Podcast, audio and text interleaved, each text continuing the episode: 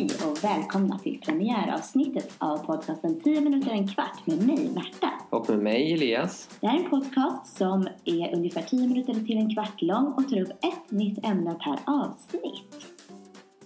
Och Elias, idag är det jag som kommer att prata om ett ämne och idag handlar det om ingen mindre än Anne Frank. Gud vad spännande och samtidigt lite läskigt. Ja, men verkligen. Anne Frank, eller Annelise Marie Frank, föddes 12 juni 1929 i Frankfurt i Tyskland. Och där bodde hon tillsammans med sin pappa Otto, sin mamma Edith och sin stora syster Margot. Sen när nazisterna tog över i Tyskland så bestämde sig familjen för att flytta och de bestämde sig för att flytta till Nederländerna, till Amsterdam. Oj, var det någon speciell anledning till att de valde att flytta då, förutom att nazisterna tog över? Ja, men precis. Det var ju så här att familjen Frank var judar och nazisterna de var ute efter att utrota alla judar. Så att familjen Frank flyttade till ehm, eh, Amsterdam, till i Nederländerna och levde sitt liv där. Eh, de, där hade ännu inte nazisterna kommit till så de, pappa Otto började arbeta på en fabrik och barnen gick i skolan. Men när kriget började, när andra världskriget började så började nazisterna även komma till Nederländerna. Och det blev väldigt oroligt för alla judar som bodde där. Det var inte bara oroligt för judarna men mycket för judarna. Helt plötsligt en dag så fick storasyster Margot ett brev. Och i det brevet stod det att hon skulle befinna sig på tågstationen en speciell tid, en speciell dag. Familjen bestämde sig då för att gå under jorden. Och vet du vad det betyder? Uh, nej, du får gärna förklara vad det betyder att gå under jorden. Ja, det betyder att man gömmer sig. Okej, okay, då förstår jag. Ja, och vart skulle de gömma sig? Jo, men det var ju så att pappa Otto, han hade förberett det här. Han misstänkte att kanske, kanske i och med kriget så kommer nazisterna hit och då måste vi ha ett gömställe. Vi måste ha någonstans dit vi kan ta oss för att inte bli mördade. Det var väldigt smart utav pappa Otto. Verkligen smart. Alla hade inte sån här tur att ha någonstans att ha ett gömställe på. Men han hade i alla fall i sin fabrik den här, där han arbetat, arbetade inrett en lägenhet där de skulle kunna bo ett tag. Och han hade inrett den så att det fanns plats även för fler personer.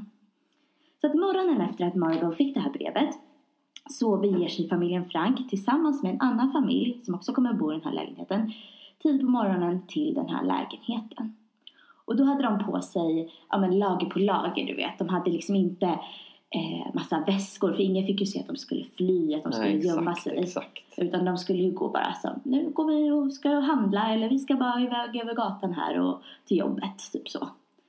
Eh, och sen hade de också i sin lägenhet där de bodde innan hade de eh, lämnat alla sängarna obäddade, frukosten stod kvar på bordet. Ja, men det skulle se ut som att nazisterna hade bara varit och hämtat dem och de var borta och tagna till för att bli mördade helt enkelt. Det var ju väldigt smart utav dem att de stökade till sin lägenhet lite så det verkligen såg ut som att oj, här är det, har det hänt något väldigt snabbt. Ja men verkligen, det var, det var ju det som var tanken. De tänkte igenom det här ordentligt. De kom till lägenheten och Ann fyller 13 och då får hon en dagbok. Och i den här dagboken skriver hon att jag vill anförtro dig allt som jag inte kan anförtro någon annan. Och hon skriver i den här dagboken under tiden de sitter i lägenheten gömda. Hon skriver bland annat att på dagtid får de inte låta. De får inte låta det minsta lilla. Man får inte hosta, man får inte viska, man får inte låta det minsta, minsta lilla. Och det är ju för att det är arbetare kvar i fabriken. Och hör de att de, de här eh, familjerna, Frank och den andra familjen, bor i en lägenhet i väggen, då kommer ju de kanske förråda dem. För det var ju så att visste man om att det fanns judar någonstans då var man tvungen att berätta det för nazisterna. Ja, det låter ju jättesvårt att vara knäpptyst. Verkligen. Hon skriver bland annat om att en gång när Margot, hennes stora syster, var förkyld stoppade de in näsdukar i hennes mun för att hon skulle dölja sina hostningar. Och fy fasiken. Ja, verkligen. Ja, och så var det ju, hur skulle hon fördriva sina dagar då? Jo, hon jobbade med mattetal, hon jobbade med grammatik, fransk grammatik, hon jobbade med hushållssysslor, de sysslorna som inte lät då vill säga. Och sen framåt i aftonen, framåt kvällen när, när arbetarna från fabriken gick hemma, men då kunde de börja diska, skramla, prata lite, låta och så vidare. Men det var en väldigt långsam vardag och de var hela tiden jätte, jätterädda. Men en sak jag tänker på Märta, Mm. det är ju hur får de tag i mat och sådana saker? Jo, men innan de gömde sig här så hade pappa Otto hållit på och samlat mat och hämtat och tagit lite i taget för att de skulle ha en buffert eftersom att de visste inte hur länge de eventuellt skulle bli sittande där i det här gömställeslägenheten.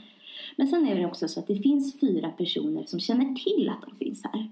Och de fyra personerna kommer då och då med information, med mat, med olika saker som man kan behöva, behöva ha liksom. Okej, men vad skönt att de ändå hade några på utsidan Ja, som kunde hjälpa dem. Ja, absolut.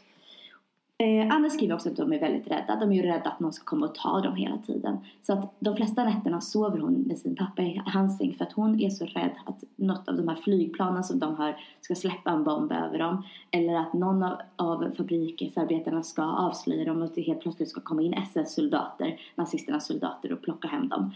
Eller plocka med dem. Och hon är jätterädd och väldigt ångest, har mycket ångest, mycket depression, äter antidepressiva, mår riktigt dåligt.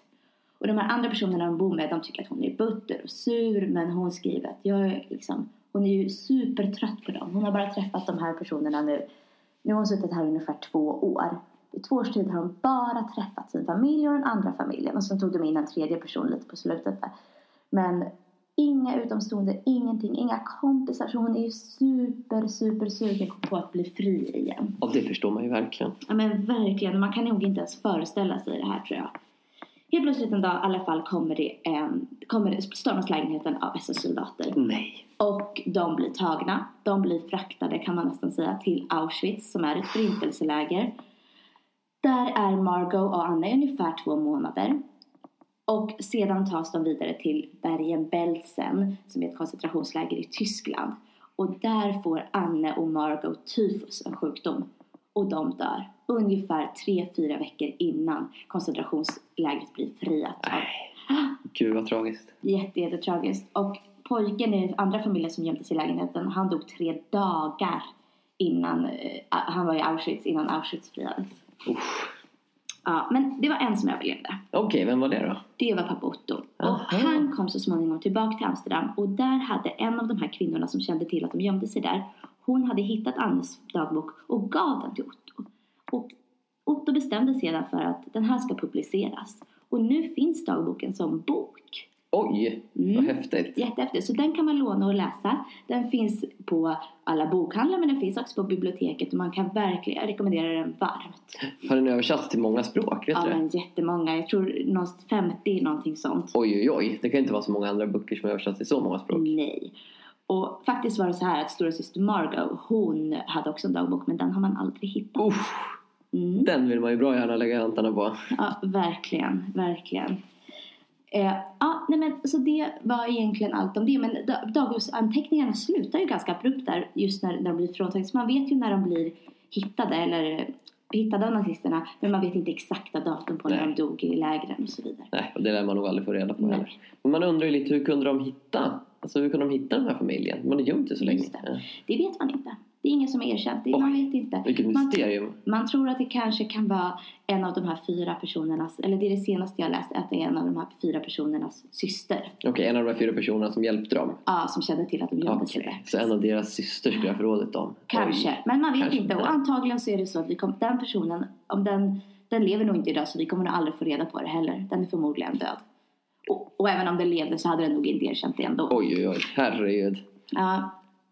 Men det var det om det. Det var det om Anne. Och vill man läsa mer så kommer vi länka lite på vår hemsida. Ja, exakt. Om ni går in på www.vikarielärare.se så kommer ni kunna hitta och trycka er fram till jättemycket extra material. Instuderingsfrågor, diskussionsfrågor, inläsningsmaterial som ni kan använda både innan, under och efter ni lyssnar på den här podden.